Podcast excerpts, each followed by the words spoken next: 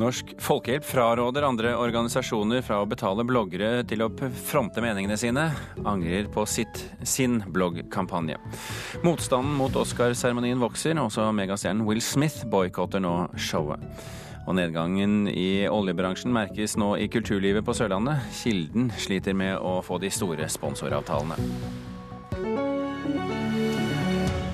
Og så er det fredagspanel i dag, hvor vi naturlig nok snakker om varme hender og nakne pupper, blant annet. Norsk Folkehjelp angrer på at de betalte en blogger 30 000 kroner for en førstehjelpskampanje i fjor. Nå fraråder de andre humanitære organisasjoner fra å betale bloggere for å fronte meningene. Vinneren av årets blogger er Sofie Elise.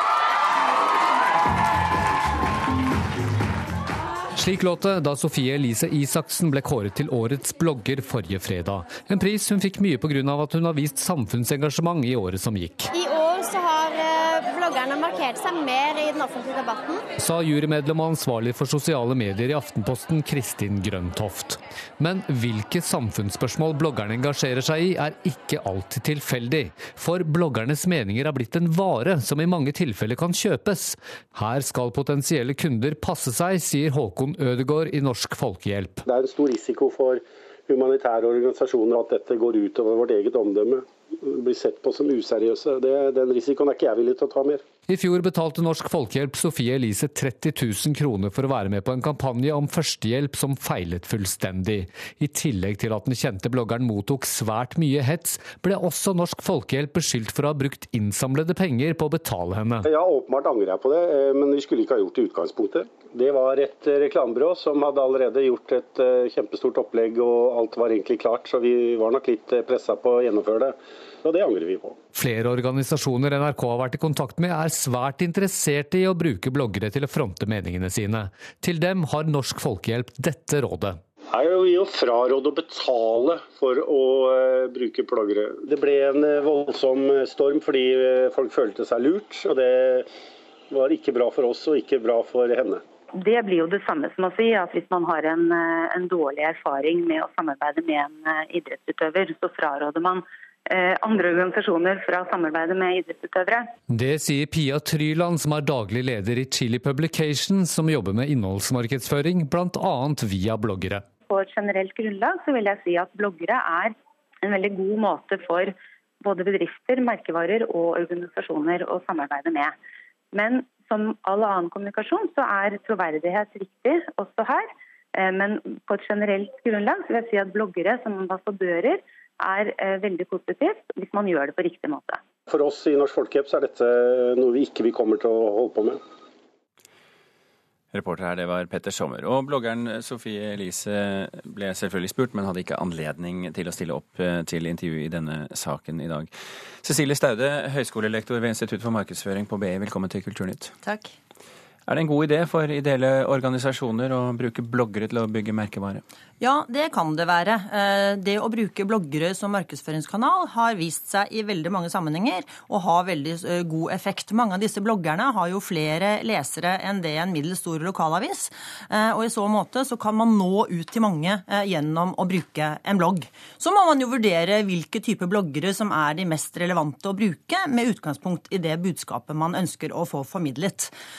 Men det som skjedde i denne kampanjen her, var jo at det var regissert en kampanje som eh, ble lansert eh, uten at det ble, var kjent at innholdet var sponset. Så når en blogger bruker sitt eget navn til å formidle et synspunkt uten å formidle at dette er en del av en kampanje, så får saken en annen vending, som vi så her. Og det er det som er kritikken eh, i, i, denne kampanjen, som hadde en god intensjon, faktisk. Vi hørte jo her Norsk Folkehjelp forklare eh, problemet med at de kom inn i et opplegg som et reklamebyrå hadde eh, satt i sving allerede.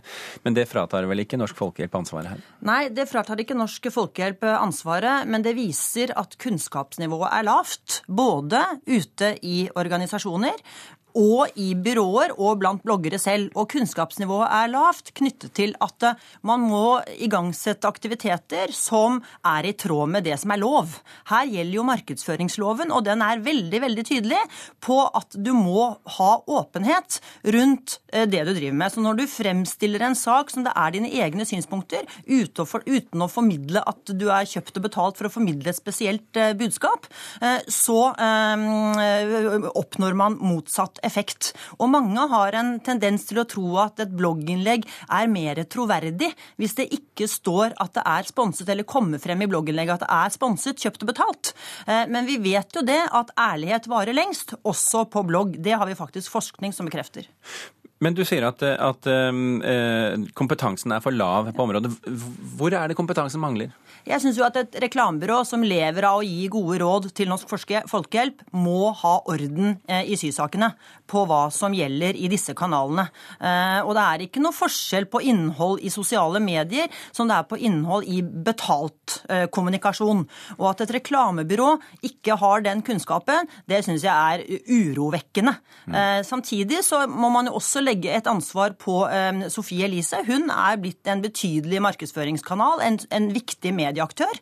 Når ut til veldig mange mennesker med sitt budskap. Ok, Hun er bare et par og tjue år, men allikevel så svær hun er blitt. Hun må også ha kunnskap om, uh, om hva som gjelder når hun bruker sitt eget navn uh, i en kommersiell sammenheng. Hva skal til for å lykkes, og hvis vi ser både, siden vi nå snakker om ideelle organisasjoner og bloggere, hva skal til for å lykkes? Jeg tenker at eh, som, som, blogger, tenker du på? Eh, hva som skal til for å lykkes som blogger? Lykkes for at en, eh, en, kampanje blir vellykket? Jeg tenker at du må ha, For det første så må du ha et klart mål med hva du skal oppnå. Og så må du tenke hvem er det viktig å nå. Og med utgangspunkt i de to spørsmålene så må du velge kanal. Og det å bruke bloggere i, som kanaler i, med det utgangspunktet Norsk Folkehjelp hadde, det tror jeg er veldig fornuftig. Men du må bare være helt planlegge godt og være sikker på at du velger både riktig blogger eh, og riktig tidspunkt og riktig formidler rundt kampanjen eh, for at du skal få eh, nå de målene du har satt deg. Cecilie Staude ved BI, tusen hjertelig takk for at du kom til Kulturnytt.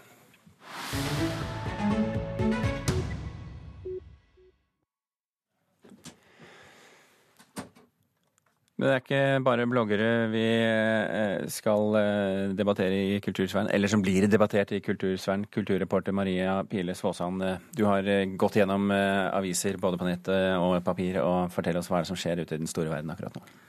Den store snakkisen, og det har det vært en liten stund, er Oscar-nominasjonene. For siden de kom den 14. januar, så har debatten rast, for de er så fargeløse.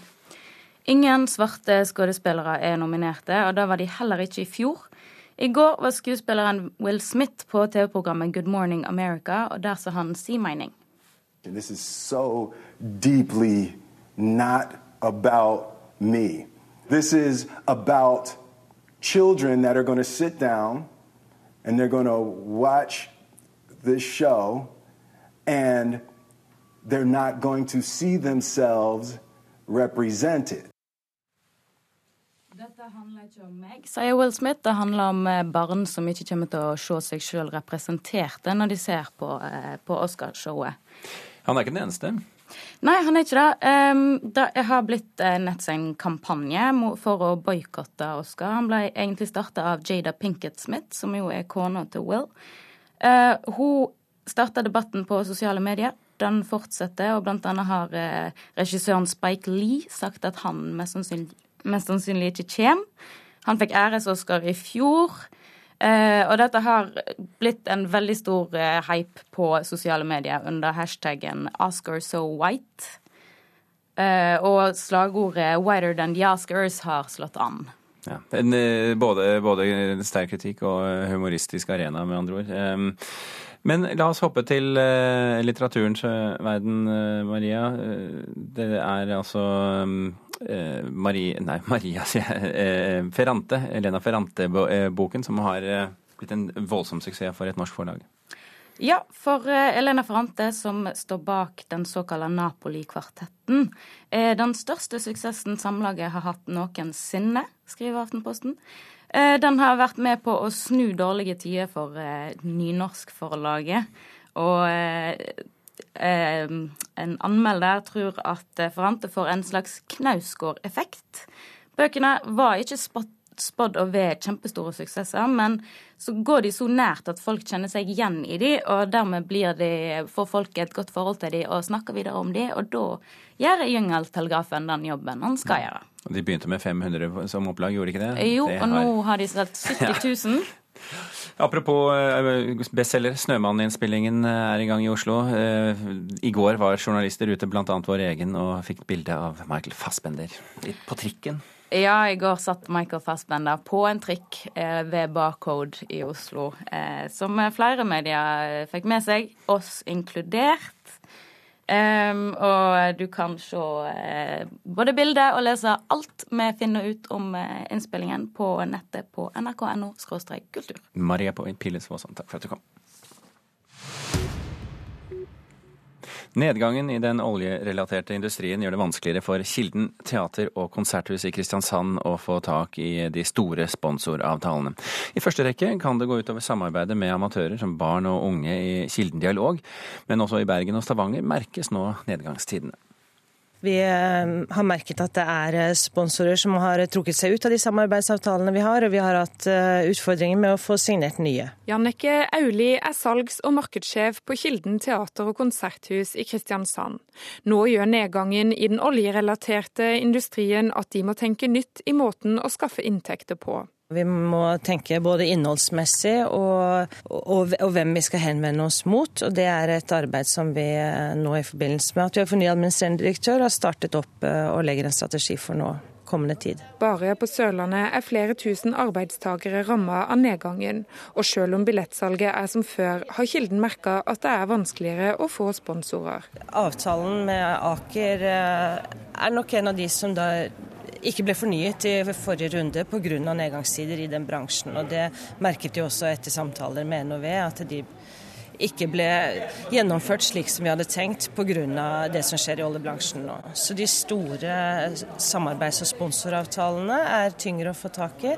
Men så bruker firmaene oss på en litt annen måte, f.eks. med å sponse billetter, sånn at sine ansatte kan gå sammen og se en forestilling med sine sin familie. National Oil Well Varco er et av selskapene som er hardt rammet av nedgangstidene, og som derfor har sett seg nødt til å kutte i sponsorvirksomhet, også til kultur, sier kommunikasjonssjef Dag Nordbø. Vi har ikke vært en stor sponsor av Kilden. Men vi har hatt samtaler med Kilden og gått inn på noen prosjekter og hatt et ønske om å øke den aktiviteten. Nå rammes eh, progresjonen i dette arbeidet av at vi har mindre penger å sponse med. Jeg håper vi skal komme sterkt tilbake og så håper jeg at vi skal finne gode prosjekter likevel, i et format som vi kan eh, greie å håndtere i disse vanskelige tidene. Kilden får en del tildelinger fra det offentlige hvert år, men må òg ha egeninntekter gjennom billettsalg og private sponsorer. Kilden Dialog, som er et samarbeid Kilden har med f.eks. skoler eller organisasjoner som Kirkens Bymisjon, er et prosjekt som er i fare dersom sponsormidlene uteblir. Nå har de eh, midler fra Kultiva i en periode, men det er til en oppstartsfase. Når eh, Kilden Dialog går over i en driftsfase, så vil vi være helt avhengig av eh, sponsormidler utenfra fra. Sier Auli, som ikke frykter noe smalere tilbud til publikum om sponsorinntektene flater ut. Vi er nok ikke så avhengig av sponsorinntekter at, eh, at, det vil merkes på den måten. Vi får jo som sagt en del eh, midler fra det offentlige, og det er det som bærer mesteparten av eh, det vi produserer på Kilden. Grieghallen i Bergen og Stavanger konserthus ligger òg i deler av landet hvor nedgangen i den oljerelaterte industrien har store konsekvenser. Foreløpig har de merka effektene ved at færre firmaer bruker lokalene til konferanser og messer. Det jeg kan si at vi merker det litt på, er vel mer de langsiktige bookingene på store arrangement som konferanser, møter, den type ting. Som ligger litt utenfor primærvirksomheten vår.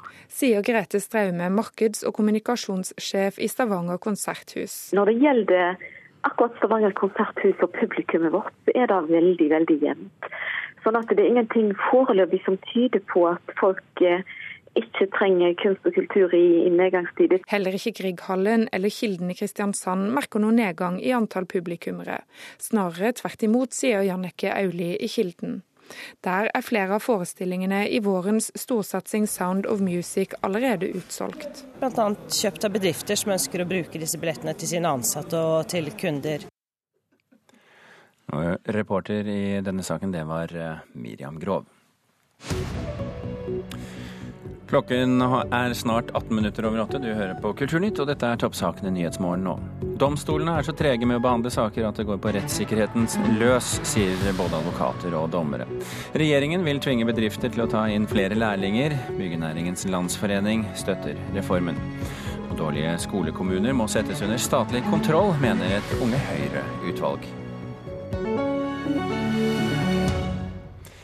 Da har vi kommet eh, til eh, tidspunktet hvor vi lanserer dagens fredagspanel, og i dag består det av tre stykker med nesten helt like briller.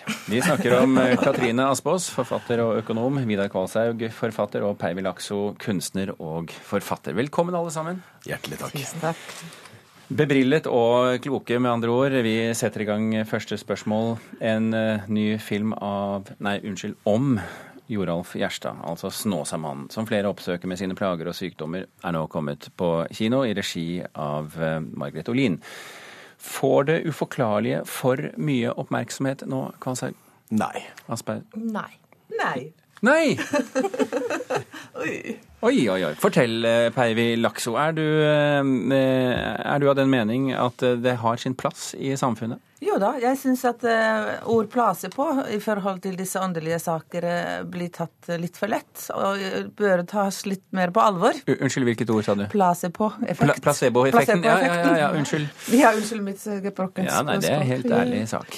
Det, placebo bør ha en større ja, fokus, plass? fokus. Og så ikke kalle det for placebo, men hjerne som kan påvirke på å helbrede oss selv og andre, og at man tar livskraften på, på alvor. Det det at vi eksisterer, og at det er krefter rundt omkring som har skapt oss osv. Det er bare litt vanskelig å få tak i dette hele, fordi at vår tradisjon er så basert på vitenskapelig forskning og alt det tekniske.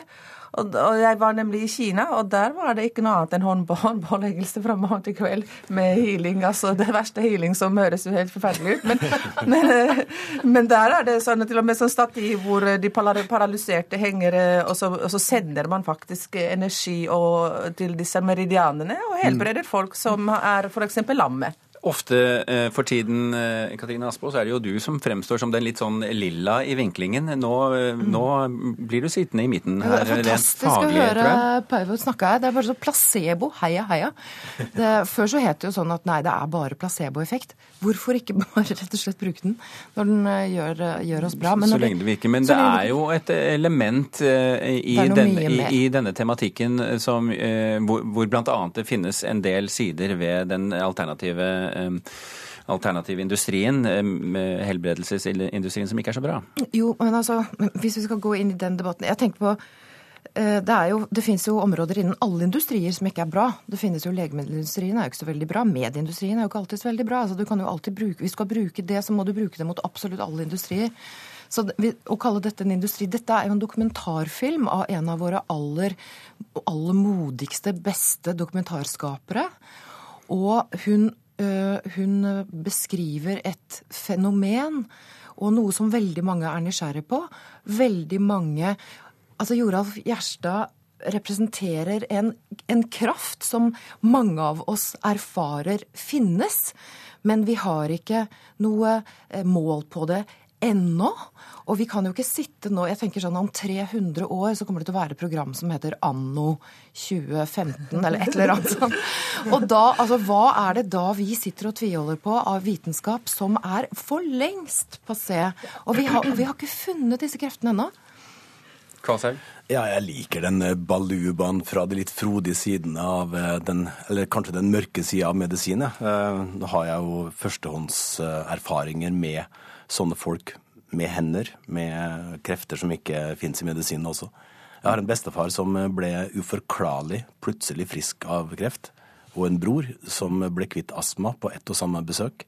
Så det er mulig at det er vestlendingen i meg som, som, tror på sånne ting. Men det er klart, fortellingen om Joralf Gjerstad er en betydelig del av fortellingen om Norge. Det er mange sånne der ute. Men det er også en fortelling om verdenshistorie. Hvordan eh, denne meditasjonsteknikkene har fløyt eh, over fjellene til Kina for noen tusen år siden. Hvor dette er faktisk satt i forskning, og det er militære anlegg eh, i Kina. og i, altså Militærfolk forsker. altså De har egne sykehus når de går inn for denne altså Folk kan lære å helbrede andre Altså, De kan gå på skole for å gjøre det, men saken er jo det at det er, det er mangel på Hvordan skal man forske på dette her? Det er det som er interessant. Hvem vil sette i gang apparatet? Jeg har behov nå, eh, og det er mitt behov, for å konkretisere Fredagspanelet i noe mer eh, helt tydelig og konkret. Vi snakker om pupp. Eh, under årets eh, priser til de største bloggerne så blottet Sofie Elise Isaksen, som driver altså en livsstilsblogg, eh, sin ene pupp. Er det en feministisk handling, som enkelte hevder? Ikke av henne, tenker jeg. Aspaas. Ruff. Nei. OK. Da har jeg lyst til å begynne med hun som bjeffet. um, pupp er kommet for å bli. Det er veldig fascinerende. altså, det er jo fascinerende hvordan det fortsatt er så sprengkraft i denne legemsdelen, eller de legemsdelene. Og det er jo rørende, ikke sant. Pupp er liv. Det er eh, Altså, det er jo så utrolig mye glede i det, og så blir det så mye bråk. Og så tenker jeg som så at når en Altså, Sofie Elise, hun er sin egen arbeidsgiver. Hun er profesjonell i det hun driver med. Du kan like det eller ikke like det hun driver med. Og det handler jo om lengsel etter glamour. ikke sant? Den har jo alltid vært der. Også akkurat som pupper. Eh, vi sitter jo og ser på 'Krig og fred' av Tolstoy. Altså hvor vi ja, lengter etter glamour, og pupp er fint. Du er i tvilens område. Per Blaksvold var det ikke? Ja, altså jeg opplever ikke at altså, Når man tar i bruk eh, eh teatralsk maske, la oss si at man blir en person som eh, blir skapt i bildet av Hollywood, hvor eh, egentlig det å lage seg lepper, pupper og kropp er eh, egentlig Eh, et, en måte å vise at du er rik, du har penger, du har kapital. Og hun er jo ute etter å ha kapital. Hun er ute etter å overleve her på jorden akkurat som alle andre. Hun vil ha oppmerksomhet, som vi i vår tid veldig gjerne vil ha. Hun på en måte er veldig ung. Jeg tror hun skriver bra, hun har meninger. Hun blir sannsynligvis kanskje en feminist etterpå, og bevisst på Men puppen hennes var ikke puppen. noe feministsymbol i dine øyne?